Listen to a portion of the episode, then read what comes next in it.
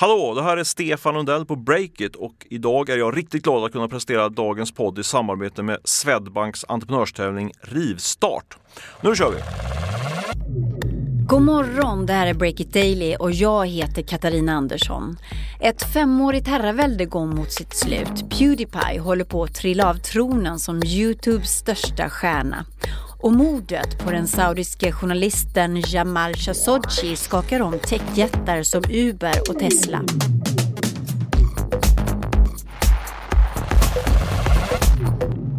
Det är onsdag den 17 oktober. Smash! Subscribe! Did I just lose three subscribers? What the heck is going backwards? As your entries in the subreddit grows And I watch submissions in the next episode of Why Erik Wisterberg, reporter på Breakit. Vad är det som händer? Det här är Felix Pewdiepie Kjellberg som reagerar på att han håller på att petas från tronen som världens största youtuber.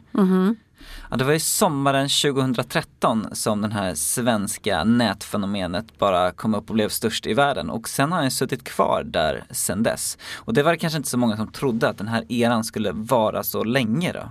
Och du intervjuade honom då? Ja, hösten 2013 så ringde jag upp honom på Skype och då pratade vi just om det här hur det kändes att vara störst i världen och då sa ju Felix att eh, han tyckte att pressen var ganska stor och att han skulle tycka det var skönt om någon annan blev störst istället. Så då var han ganska ödmjuk och, och sådär. Men hur låter det idag då? När det faktiskt är så att någon annan håller på att bli större? How can a channel that has so many subscribers and gaining subscribers so quickly get so little views on some videos? Ja, det är ett helt annat ljud i skällan. Felix har ju liksom gått ut och anklagat den här äh, nya kanalen som håller på att bli störst, en, en äh, indisk musikkanal, för att ha trixat med sina siffror, att det kanske är så till och med att man i Indien blir prenumerant på den automatiskt om man skaffar Youtube. Och så han har gått ut och försökt liksom motivera följarna att skicka in bevis på att det är liksom något fuffens här. If you guys notice this, please send evidence. Uh, maybe create an account in India to test it or something like that. Och sen har han också gjort det, hanterat det på ett ganska roligt sätt att han har börjat göra så här en hatlåt, eh, liksom som en hiphop eh, battle diss-sång helt enkelt. Eh, Bob's or Vagana, whichever will it be. Set the fuck down, T-Series. I'm here to spill the real tea. En, en smått upprörd eller, eller rolig Pewdiepie, hur man nu ser det här då. Och, och det här kan man alltså följa också Erik, eller hur? I realtid, det som händer. Ja, det är ju något geni på internet som har gjort en livesändning som står och tickar nu där man kan se siffrorna gå upp uppåt för T-Series, den här konkurrerande indiska kanalen då. Så att världen kan titta på i realtid när Pewdiepie petas. Så jag räknade lite på det där och eh, enligt mina beräkningar då, som är gjorda i Excel, som ju alltid ger det rätta svaret, så är det kanske den 29 oktober här som det kommer ske. Så att eh, ni får hålla utkik helt enkelt. Stay tuned. Men, men det här är det första jag hör om Pewdiepie på väldigt, väldigt länge. Och idag så kör vi också på sajten en annan nyhet om Pewdiepie, eller hur? Ja precis, lite i det, det dolda så har Pewdiepie gått in och blivit eh, ganska stor ägare i en liten, liten svensk spelutvecklare som är baserad i Skövde. De heter Double Moose Games och det här har vi snokat upp i handlingar från det brittiska bolagsverket. Det avslöjar att Pewdiepie äger hela 35% i det här bolaget. Och eh, om man inte vet vilka de är så är det ett bolag som har gjort till exempel Animal Super Squad. Det är ett slags liksom Angry Birds möter Super Mario World ungefär skulle jag säga efter att ha tittat på det. Mm.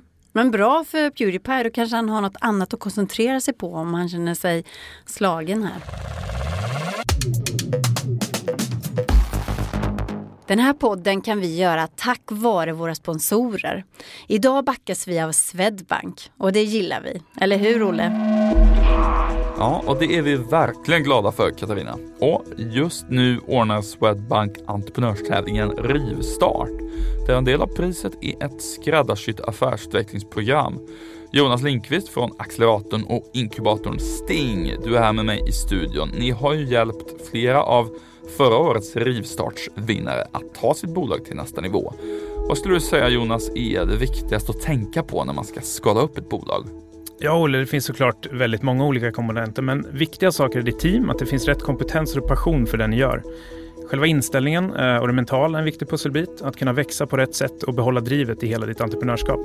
Det var konkret och tydligt tycker jag. Eh, något annat som är väldigt konkret det är att eh, om du vill veta mer om entreprenörstävlingen Swedbank Rivstart där man kan vinna 500 000 kronor i ett affärsutvecklingsprogram då ska du, tycker jag, gå in på swedbank.se rivstart.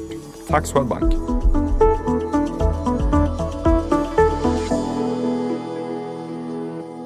Vid middagstiden 2 oktober så klev journalisten Jamal Khashoggi in på saudiska konsulatet i Istanbul för att plocka upp ett dokument och kunna gifta sig med sin turkiska flickvän. Sedan dess är han försvunnen.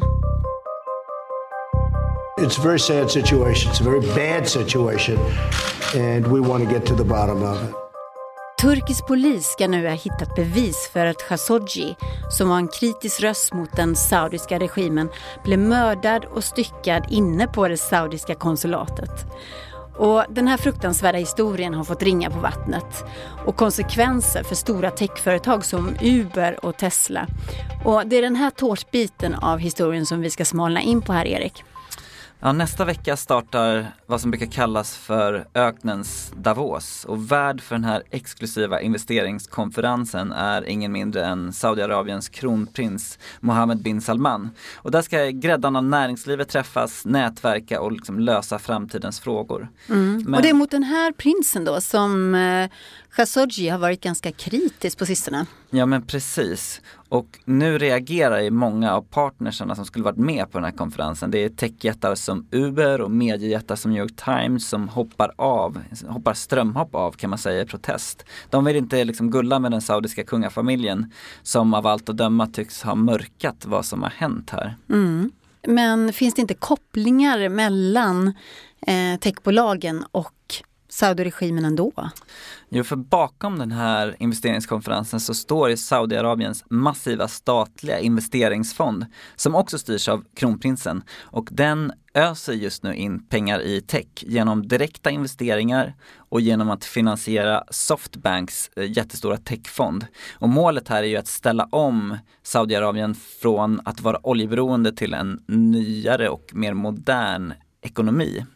Och eh, just den här fonden köpte in sig för 30 miljarder kronor i Uber för två år sedan. Då fick man 5% av bolaget och man har fortfarande en representant i Ubers styrelse. Så att samtidigt som Ubers VD Dara Khosrowshahi säger att han inte tänker komma till den här investeringskonferensen så finns ju den saudiska kungafamiljen och statens pengar i hans bolag. Precis Mm. som i Tesla där man också har köpt in sig. Men då finns den här tragiska händelsen och, och mordet av allt att döma på journalisten. Och, och vad kommer det innebära för framtiden? Okej att man inte åker på en konferens så att säga och så visar man sitt missnöje under en period. Men, men kan man fortsätta att ge kalla handen åt Saudiarabien så här? Det kommer ju kanske bli svårare att ta emot pengar från en sån här fond eftersom Saudiarabiens mörkare sida nu återigen kommer upp på tapeten liksom över hela världen. Richard Branson, entreprenören bakom Virgin, han har ju tidigare uttryckt sig väldigt positivt om Ahmed bin Salman och liksom sett honom som den här moderna eh, saudiske prinsen. Men han har ju nu gått ut och sagt att han tackar nej till en miljard dollar som den här statliga saudiska fonden har erbjudit sig att investera i Virgin Galactic, alltså det här rymddelen av Virgin. Och eh, Branson sa så här att om de här anklagelserna är sanna så påverkar det helt klart möjligheterna för alla oss här i väst att göra affärer med den saudiska regeringen, skrev Mm. han. Och som jag sa, de här pengarna söker ju sig ut nu eftersom det är en strategi från den saudiska regimen. Så att det kommer ju vara fler företagsledare som behöver ställa sig den frågan om det här är pengar som man vill ha in i sitt bolag eller om man gör som Branson då och säger nej. Break It Daily hör du imorgon igen om du vill. Ansvarig utgivare för podden är Olle Aronsson. Själv heter jag Katarina Andersson.